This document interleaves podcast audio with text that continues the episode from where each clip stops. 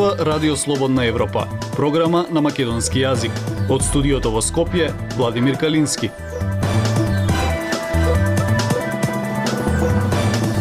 Почитувани следите емисијата на Радио Слободна Европа. Додека чекаме за влез во Европската Унија, барем да им ги искористиме парите, порача поранишниот председател Бранко Црвенковски. Нови истражувања покажуваат најниска доверба во судството на граѓаните, недоверба уживаат и македонските политичари. Бетонски бариери низ Скопје се дел од проблемите со кои се соочуваат луѓето со попреченост. Слушајте не. Независни вести и анализи за иднината на Македонија на Радио Слободна Европа и слободнаевропа.мк. Поранешниот председател Бранко Црвенковски не е оптимист дека земјава наскоро ќе биде членка на Европската Унија, па затоа предлага нова стратегија за приближување, односно да се искористат европските пазари и фондови. На домашните политичари им порача да не иставаат партиски печат на иницијативата. Известува Пелагија Стојанчова. Нема простор за поголем оптимизам дека Северна Македонија наскоро, ниту пак во наредните години ќе се интегрира во Европската Унија, рече поранешниот премиер и преседател на државата Бранко Црвенковски на трибина организирана од Советот на амбасадори. ЕУ нема јасен план што да прави со себе, како резултат на тој што да прави со Западен Балкан, вели Црвенковски. Па за да се надмине статус кво ситуацијата, предлага нов пристап кој ќе овозможи на земјите од регионот полесен пристап до пазарот и до фондовите на Европската Унија. Таму каде што бевме лани, се наоѓаме и сега, без видлив и сериозен напредок. Според мене, барем во овој момент, не постои простор за некаков поголем оптимизам, ниту за наредниве неколку години рече Црвенковски. Тој вели дека за него се прилично нелогични и без реална подкрепа изјавите дека ако сега земјава почне преговори, за 4, 5 или 7 години ќе стане полноправна членка или дека војната во Украина создава нов моментум кој ќе го забрза процесот на проширување. Актуелната власт пак смета дека земјата може да стане полноправна членка до 2030 година, дека тоа не е невозможна мисија, смета и председателот на Европскиот совет Шарл Мишел. Who said it's not mission impossible on the country it's mission possible. So it can be done. Тој рече, не е невозможна мисија. Напротив, возможна мисија и може да се оствари, рече евроамбасадорот во земјава Девид Гир, пренесувајќи ја пораката на Мишел дадена во видеообраќање на неодамнишниот преспа форум. Но за да се постигне тоа, вели Гир, треба да има забележително забрзување на напорите околу реформите и консензус кај партиите. Црвенковски вели дека предолгото чекање на исполнетите ветувања од страна на Европската унија кон земјите од регионот и поставувањето услови и уцени доведува и до намалување на поддршката на интеграцијата во Европската унија. Во состојба на статус кво изборот е меѓу две опции, вели Црвенковски, да станеме пасивни и да се надеваме на чудо или да дадеме иницијатива. Иницијативата што тој ја предлага не би била никаква замена за полноправно членство во Унијата. Нема гаранција дека таа би била прифатена и од сите земји од регионот, ниту пак дека ЕУ ќе ја прифати. Но ако не се обидеме, никогаш нема да дознаеме каков би бил исходот. На крајот на криштата нема што да изгубиме рече Црвенковски. Првата варијанта е да се искористи постојаната европска економска област, со која, на пример, им се овозможува на Исланд, Лихтенштейн и Норвешка да учествуваат во внатрешниот пазар на Европската унија и без членство во унијата. Втората варијанта според него е доколку Европската унија истовремено подпише нов посебен договор со сите земји од Западен Балкан и со него се овозможи учество на заедничкиот европски пазар и можност за користење на европските фондови. Но каков и да биде одговорот на иницијативата, и да се прифати и да се одбие, Црвенковски од политичките фактори во земјава бара да не истават партиски печат и да не ја користат за своите дневно политички конфронтации. Слободна Европа. Следете на на Facebook, Twitter и YouTube. Се додека владее неказнивост и неодговорност за лошото работење и се додека партиите поставуваат свои луѓе на раководни позиции, ќе има ниска доверба во институциите, вели Марко Трошановски од Институтот за демократија Социетас Цивилис, чие последно истражување покажува дека македонските граѓани имаат најниска доверба во судството, владата и собранието. Недоверба уживаат и македонските политичари. Марија Тумановска. Една третина од граѓаните не им веруваат на македонските политичари, покажува неодамнешната анкета на Институтот за политички истражувања. И оние граѓани кои ние ги прашавме велат дека се поредко ги интересира што кажуваат политичарите, зошто како што велат искуството покажало дека не треба да им се верува.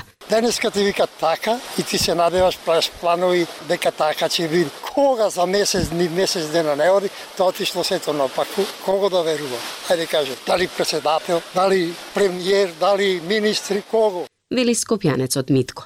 Па према денешно време секој еден не е интересно више да ги гледаш, затоа што све едно исто го зборуваат. А најлошиот збор во политиката знаете кој е? Ке. А тоа ке многу лошо е. Него треба да се докаже, ова го направивме, ова го направивме, вака вака бидна, тоа бидне, а не ке. Вели Илјас, продавач од Скопје. А недовербата кон политичарите оди паралелно со недовербата која македонските граѓани ја покажуваат кон институциите. Граѓаните најмалку им веруваат на судскиот систем, собранието и владата, покажало истражувањето на Националниот демократски институт и Институтот за демократија Социетас Цивилис. Највисока доверба пак меѓу граѓаните имаат верските заедници, војската и полицијата.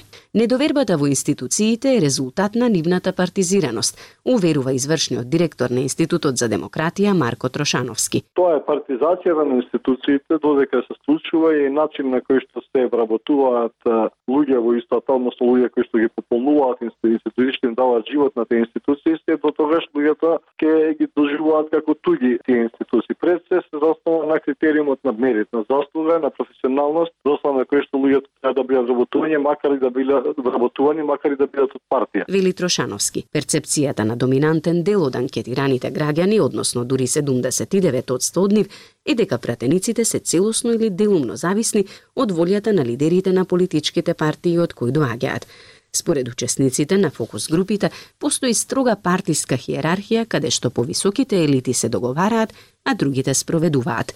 Немањето одговорност, неказнивоста на тие кои работат лошо, но и партизацијата на институциите се главните причини поради кои опаѓа довербата во институциите, смета Трошановски, а довербата во институциите според него се гради со конкретни мерки. Видете едноставно, ако институцијата испорачува административна услуга, која за која што не мора да доплатите за да ја добиете, не мора да чекате со месеци, нема да ви биде сгрешен изодот од матично четири пати и така натаму, довербата сама по себе ќе се ќе се врати. Инаку во однос на најважните институции во политичкиот систем, председателот на државата има највисока доверба, но генерално може да се забележи ниска доверба во сите обштествени чинители и државни институции.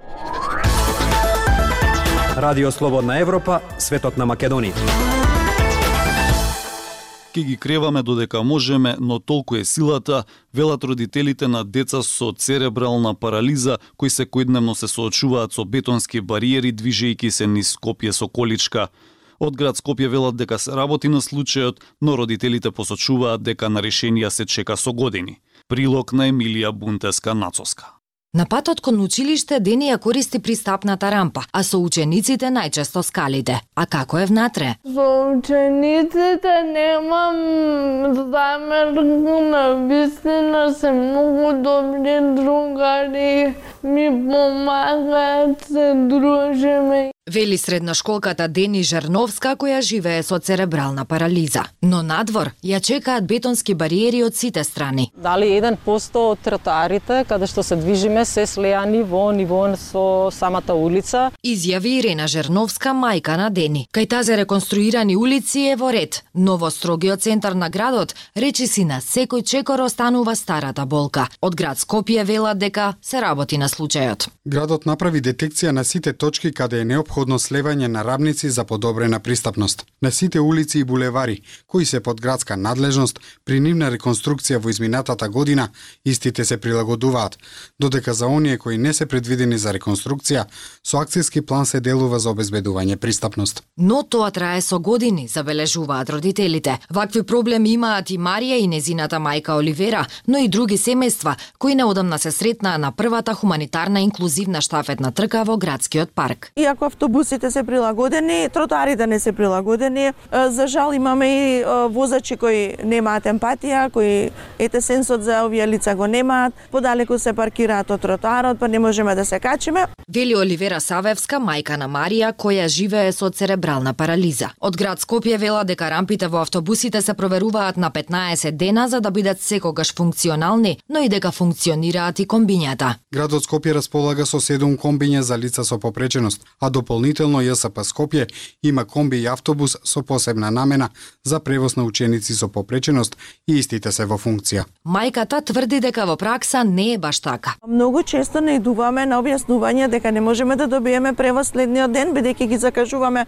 ден предходно, затоа што повеќето од комбињата се расипани. Изјави мајката на Марија. Родителите веруваат дека точно би можеле на надлежните да им ги посочат критичните точки во градот, но ги прашували некој? Воопшто никој не не контактирал, нити не прашал од институциите како се движиме низ градот, никој. Вели Скопјанката Жерновска. Некогаш изгледа како на децата да им останува единствено да се помират со реалноста. Иако изгледам помирено, сепак покажувам и, и, и укажувам каде е проблемот. Вели Скопјанката Марија Савевска, која живее со церебрална парализа. Додека можеме ќе ја криваме и носиме, меѓутоа не сме и ние супермени, едноставно не може, таа е силата. Вели Скопјанката Жерновска. Им останува да се надеваат дека што поскоро ќе гледаат повеќе решенија отколку бариери.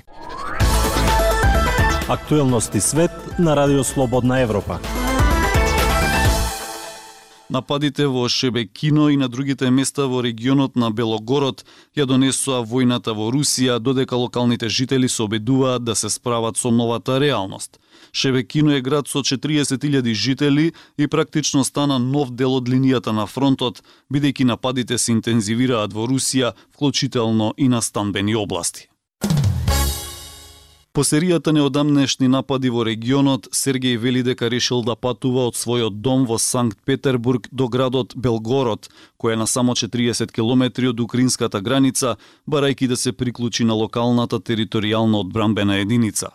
Гранатирањето и саботажата ја донесоа војната дома во пограничниот регион во последниве месеци, но низата напади во последниве неколку недели, последниот од милициските групи настроени против Москва, оставија разурнување и предизвикаа најголеми воени напори за евакуација во Русија во децении.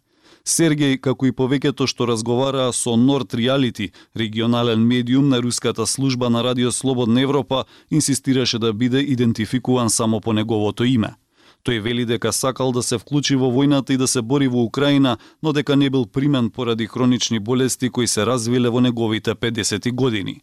Откако ги слушнал извештаите дека ескалирале граничните напади, тој вели дека одлучил да патува од Санкт Петербург и да види дали доброволните единици на територијалната одбрана во градот Белгород или во Шебекино, блискиот град на само 10 километри од украинската граница, ќе му дозвола да им се придружи.